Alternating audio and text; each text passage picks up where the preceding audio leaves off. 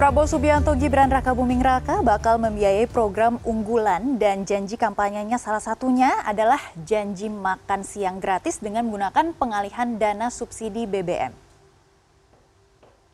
Informasi ini diungkap Wakil Ketua Tim Kampanye Prabowo Gibran, Edi Suparno. Edi mengungkapkan sebanyak 80 persen dari nilai subsidi energi yang mencapai 50 triliun rupiah dinikmati kalangan yang mampu dan tidak tepat sasaran dan pihaknya akan mengevaluasi subsidi tersebut.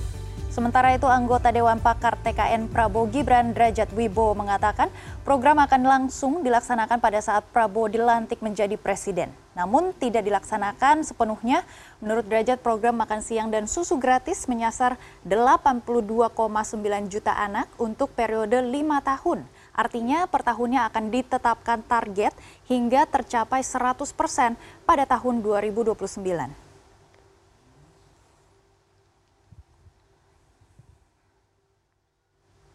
Pasca pemilihan umum 2024, program Prabowo Subianto Gibran Raka Buming Raka jadi sorotan karena ingin mengurangi subsidi energi demi mendanai program makan siang gratis dan janji populis yang mereka umbar selama kampanye.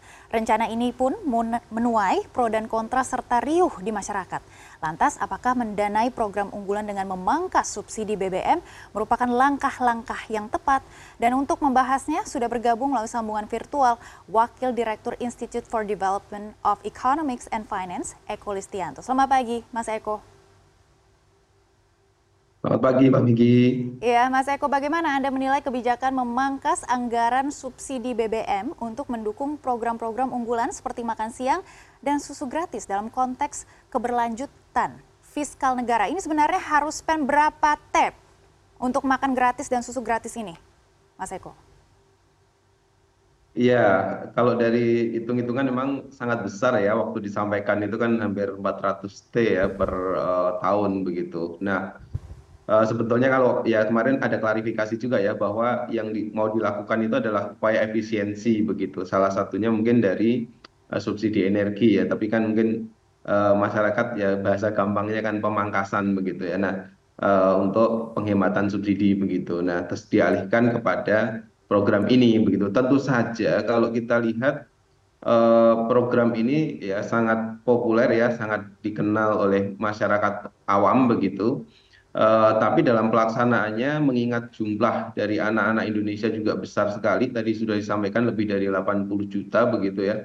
Ini tentu tidak mudah begitu. Dan memang uh, yang paling mungkin ya kalau menurut saya dengan uh, anggaran kita yang juga terbatas ya sebetulnya yang sangat terbatas itu adalah ruang fiskal kita begitu.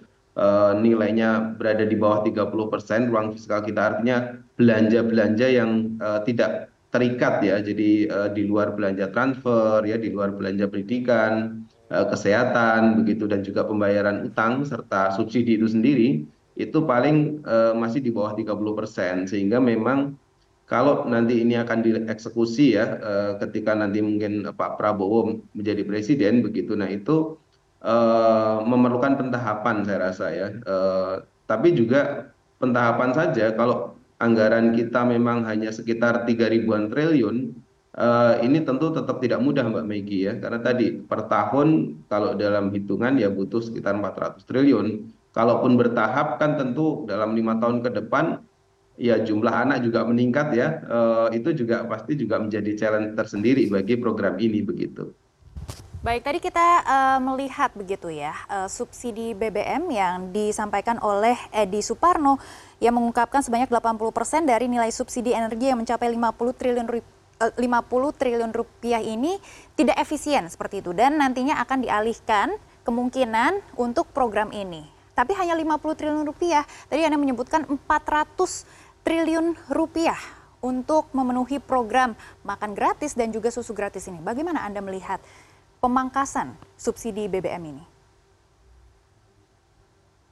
Iya kalaupun toh dilakukan pemangkasan ini jadi trade off ya. Jadi mungkin nanti di programnya terlaksana ya eh, walaupun tadi misalkan dapat 50 dari penghematan.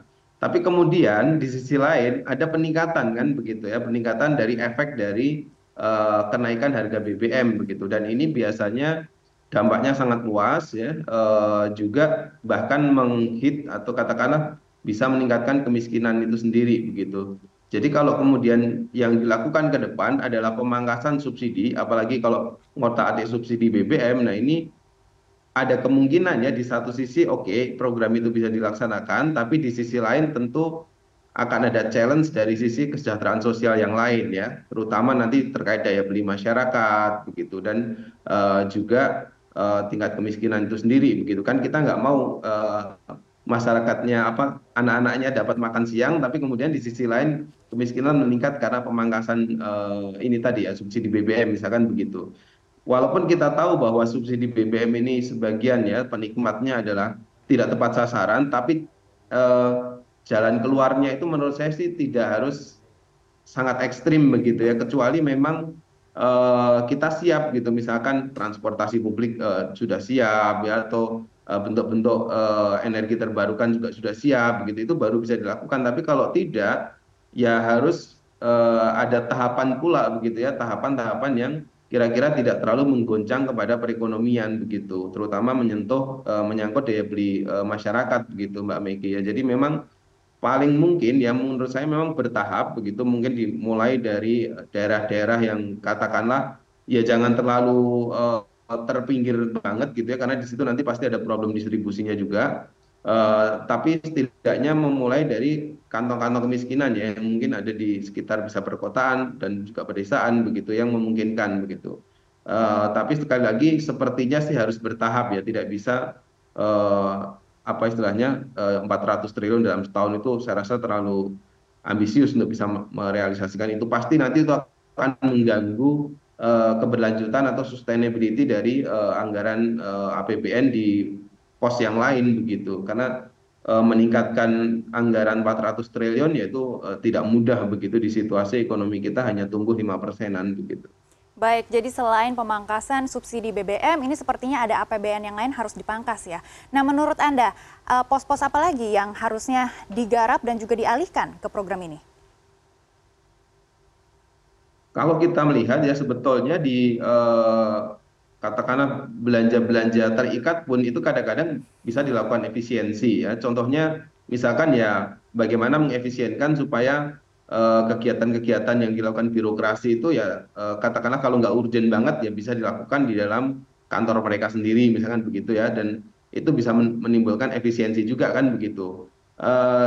Digitalisasi ya. Kalau kemudian ini memang mau dimasifkan di dalam penggunaan apa aktiviti sehari-harinya birokrat ya itu juga memungkinkan untuk dilakukan efisiensi begitu. Jadi sebetulnya upaya efisiensi bisa dilakukan ya, tapi apakah ini nanti semuanya harus diarahkan untuk program makan siang gratis ini? Ya saya rasa juga nanti harus dilihat juga begitu tingkat ini ya efektivitas dari program ini juga begitu. Karena kan kalau kita lihat bahwa problem utama kalau dikatakan mengatasi stunting yaitu tidak dimulai dengan makan siang ya itu mungkin lebih tepatnya ke, gizi buruk begitu.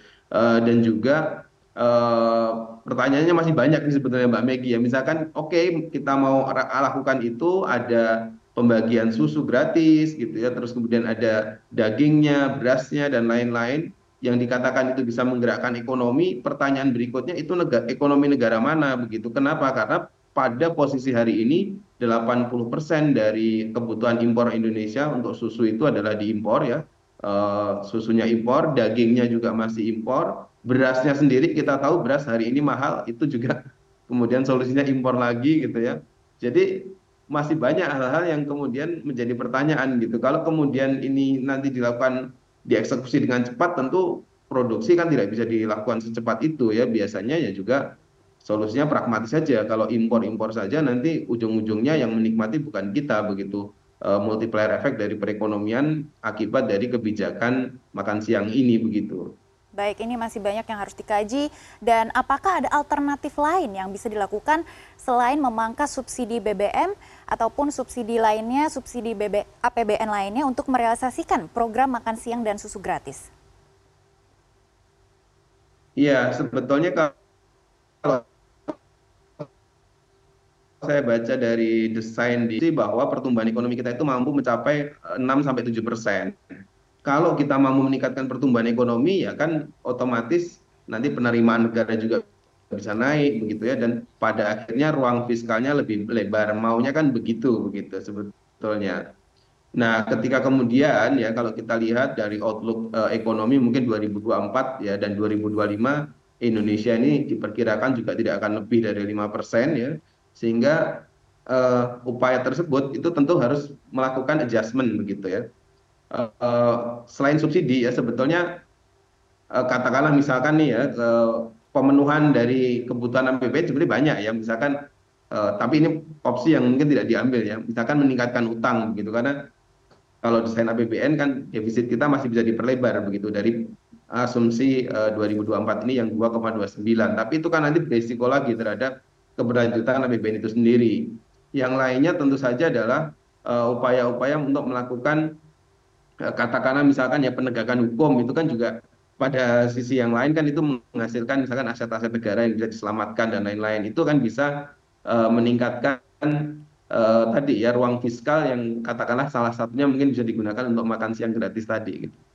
Cuma sekali lagi upaya-upaya ini memang tidak mudah ya kalau kita melihat dari uh, ini hal-hal yang sebetulnya juga sudah dicoba di Pak Jokowi dalam konteks meningkatkan uh, penerimaan negara kita begitu ya. Uh, tapi kan belum banyak ya uh, tingkat keberhasilannya begitu. Jadi kalau uh, melihat ini sepertinya jalannya adalah bertahap gitu ya kebijakan makan siang gratis ini. Dan yang kedua adalah ya sebisa mungkin nanti itu Eh, dilakukan oleh ekonomi domestik ya. Jangan kemudian makan siangnya terlaksana tapi kemudian lonjakan impornya juga tidak bisa dihindari. Nah ini yang kita khawatirkan semacam itu gitu. Termasuk juga stabilitas dari harga harga itu sendiri ya harga bahan pokok gitu kemarin ketika kita tahu bahwa ada pemilu nah itu ternyata beras itu ya beras premium juga langka. Terus kemudian pada ada bansos juga digelontorkan ke masyarakat gitu. Ternyata uh, reaksi dari konsumen itu adalah ya eh, banyak membeli gitu ya ada panik buying begitu. Nah jangan sampai nanti ketika program ini dieksekusi karena tahu bahwa nanti pemerintah atau BUMN atau BUM, eh, BUMD begitu ya mau membeli banyak barang untuk persiapan makan siang gratis ini kemudian semua barang-barang naik begitu ya harga bahan pokok nah ini juga nanti impactnya juga ke masyarakat juga gitu jadi banyak hal yang harus kemudian disiapkan ya dalam konteks untuk mengeksekusi program ini kalau nanti kelak uh, Pak Prabowo sudah dilantik begitu. Baik, harus disusun strateginya lebih baik lagi dan kami akan terus memantau perkembangan program makan siang gratis ini. Terima kasih Mas Eko sudah bergabung bersama kami di CNN Indonesia Business dan Referensi. Yeah.